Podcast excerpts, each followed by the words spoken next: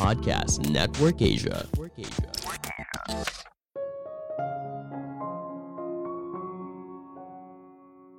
Perselisihan adalah hal yang wajar terjadi, tapi ketika masing-masing merasa paling benar dan tidak mau mendengarkan, itulah masalahnya. Halo semuanya, nama saya Michael. Selamat datang di podcast saya, Sikutu Buku. Kali ini saya akan membahas buku High Conflict karya Amanda Ripley.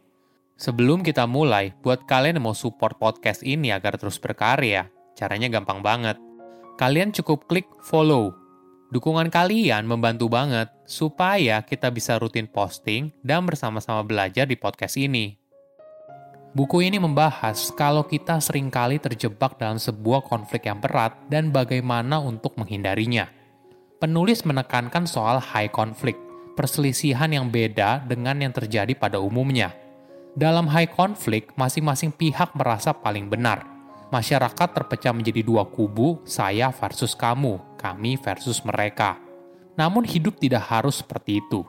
Kita tidak harus berjalan berseberangan. Jika kita mau, kita bisa keluar dari kondisi ini dan menjalin hubungan yang lebih baik. Saya merangkumnya menjadi tiga hal penting dari buku ini. Pertama, apa itu high conflict? Penulis bercerita pengalaman hidupnya dia dibesarkan dalam kondisi yang kadang terjadi konflik di dalam keluarga, tapi tidak pernah ekstrim. Penulis sering kali mendengarkan orang tuanya bertengkar di bawah. Ketika dewasa, penulis bekerja sebagai reporter yang menulis banyak konflik, kejahatan, terorisme, dan sebagainya. Namun pada tahun 2016, saat pemilihan presiden di Amerika Serikat, penulis merasa ada yang aneh Bagaimana bisa begitu banyak orang melihat dunia dengan cara yang sangat berbeda, tapi dengan keyakinan yang tinggi? Penulis melihat sendiri, banyak warga Amerika mulai bertengkar satu sama lain karena memiliki perbedaan pilihan politik. Pemilih Partai Demokrat membenci pemilih Partai Republik, begitu juga sebaliknya. Setidaknya, ada 38 juta orang Amerika berhenti berbicara dengan anggota keluarga atau teman mereka karena pemilihan presiden tersebut. Hal yang terjadi di Amerika, saya rasa juga kita rasakan di Indonesia. Inilah yang ditekankan oleh penulis sebagai dorongan misterius yang membuat seseorang kehilangan akal sehatnya karena berada dalam perselisihan ideologi, politik, nilai sosial, dan sebagainya. Dorongan misterius ini membuat kita bisa membenci orang yang bahkan tidak kita kenal. Jika sudah begitu, mungkin saja kita terjebak dalam high conflict. Sebagai gambaran, high conflict berbeda dengan perselisihan pada umumnya. Pada perselisihan yang sehat, masalah dapat mendewasakan orang yang di dalamnya dan menjadi pribadi yang lebih baik. Kita perlu hal ini untuk memahami satu sama lain dan berkembang sebagai masyarakat. Namun beda halnya dengan high conflict. Pihak yang terlibat di dalamnya merasa dirinya merupakan orang yang paling benar. Kamu pasti pernah melihat hal ini di dalam politik. Beberapa tahun terakhir, kita hanya punya dua kandidat di berbagai pemilihan politik. Polarisasi yang terjadi di masyarakat sangatlah tinggi. Pihak yang mendukung calon A merasa kalau mereka mendukung orang baik dan orang yang mendukung calon B merupakan pilihan yang salah. Hal yang sama juga dirasakan oleh orang yang mendukung calon B. Ada perbedaan utama antara high conflict dan healthy conflict. Bukan karena topik yang dibahas, bukan juga soal makian atau emosi yang menyertainya tapi perbedaan utamanya soal stagnansi. Dalam health conflict ada pergerakan. Masing-masing pihak saling bertanya, ada rasa penasaran, tentu saja ada makian juga. Tapi dalam healthy conflict, adanya pergerakan ke arah yang lebih baik. Beda halnya dengan high conflict. Konflik itu adalah tujuan utamanya.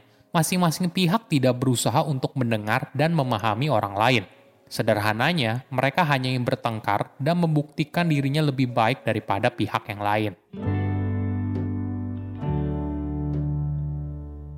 Kedua, high conflict itu seperti jebakan. Kenapa high conflict berbahaya? Karena saat hal itu terjadi, tidak ada pihak yang menang. Ada contoh yang menarik. Pada tahun 1930-an, kota Montgomery di Alabama membangun fasilitas rekreasi publik bernama Oak Park Tempat itu sangat besar, tersedia kolam renang, lapangan tenis, taman hiburan, bahkan ada kebun binatang. Namun ada satu masalah besar. Oak Park dibuat hanya untuk warga kulit putih saja. Pada tahun 1957, pria muda kulit hitam ditangkap karena dia mengambil jalan pintas pulang ke rumah dari tempat kerja melalui Oak Park. Dia ditangkap karena melanggar kebijakan segregasi warna kulit. Ketika pemuda itu membawa masalah itu ke pengadilan, hakim lalu memenangkan gugatan pria berkulit hitam tersebut. Hakim beranggapan warga dari semua warna kulit berhak menggunakan taman tersebut karena taman itu dibangun dari pajak yang juga dibayar oleh warga kulit hitam. Tentu saja ini merupakan kemenangan besar bagi kesetaraan dan keadilan. Namun pejabat di kota tersebut mengambil langkah yang berbeda. Mereka menutup semua tamannya. Jika warga kulit putih tidak bisa bermain di sana tanpa warga kulit hitam, maka lebih baik ditutup saja. Keputusan ini malah merugikan semua pihak. Perlu kita sadari, di setiap konflik atau perselisihan pasti ada alasan yang sesungguhnya. Penulis menggunakan istilah crockpot. Sebagai informasi, crockpot adalah sejenis slow cooker. Dia lalu mengilustrasikan suami istri yang ingin bercerai namun sedang bertengkar soal kepemilikan crockpot yang mereka dapatkan saat menikah. Padahal, dalam 10 tahun pernikahan, barang tersebut tidak pernah mereka gunakan. Sekilas pertengkaran ini terlihat tidak masuk akal. Harga crockpot juga tidak terlalu mahal. Namun ketika seorang mediator perceraian mulai bertanya ke masing-masing pihak, hal itu baru masuk akal.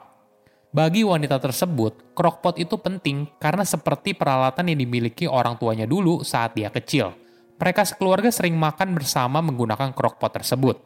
Crockpot itu ibaratnya merupakan keluarga yang diinginkan oleh si istri dalam pernikahan mereka, tapi tidak pernah dia dapatkan. Bagaimana dengan sang suami? Bagi sang suami, dia menginginkan crockpot karena di dalam lubuk hatinya dia tidak menginginkan perceraian tersebut.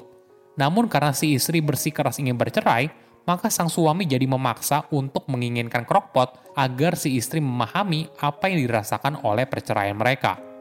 Alasan yang sungguhnya akan membantu kita memahami konflik yang sedang kita hadapi.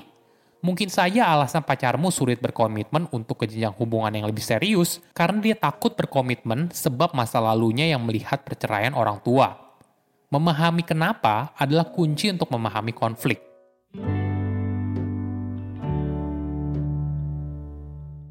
Ketiga, tips keluar dari high conflict. Bagaimana caranya agar kita bisa keluar dari high conflict? Pertama, mulai dengan refleksi diri. Ingat, kamu hanya bisa mengubah dirimu sendiri. Jangan berpikir kalau kamu bisa mengubah orang lain. Hanya fokus pada dirimu dan apa yang bisa kamu kontrol. Mulailah sadari perasaanmu sendiri dan mulai lakukan refleksi diri setiap kali perasaan itu muncul. Coba tanyakan, apakah ada sesuatu di balik emosi atau perasaan ini? Apa yang penting buat saya? Apakah saya tahu apa yang saya inginkan dari situasi ini? Terkadang, saat kita berusaha untuk memenangkan sebuah argumen, bukan karena kita ingin orang lain setuju dengan kita, tapi mungkin saja kita hanya ingin didengar dan dimengerti. Kedua, lepaskan dualisme. Kita perlu belajar melihat manusia lebih dari sekedar kita versus mereka, saya versus kamu mungkin tips yang bisa kamu coba adalah mencoba menjalin koneksi positif di antara kalian. Hal ini menjadi sebuah pengingat untuk melihat mereka sebagai manusia, bukan sebagai orang yang berseberangan. Ketiga, jauhi provokator. Mereka adalah orang yang mengambil kesempatan dari sebuah konflik.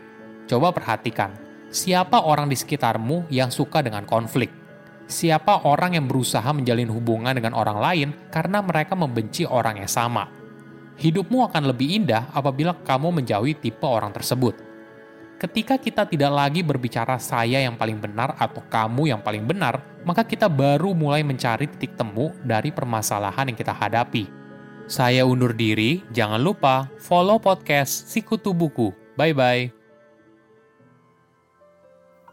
Pandangan dan opini yang disampaikan oleh kreator podcast, host, dan tamu tidak mencerminkan kebijakan resmi dan bagian dari podcast Network Asia. Setiap konten yang disampaikan mereka di dalam podcast adalah opini mereka sendiri dan tidak bermaksud untuk merugikan agama, grup etnik, perkumpulan, organisasi, perusahaan, perorangan, atau siapa pun dan apa pun.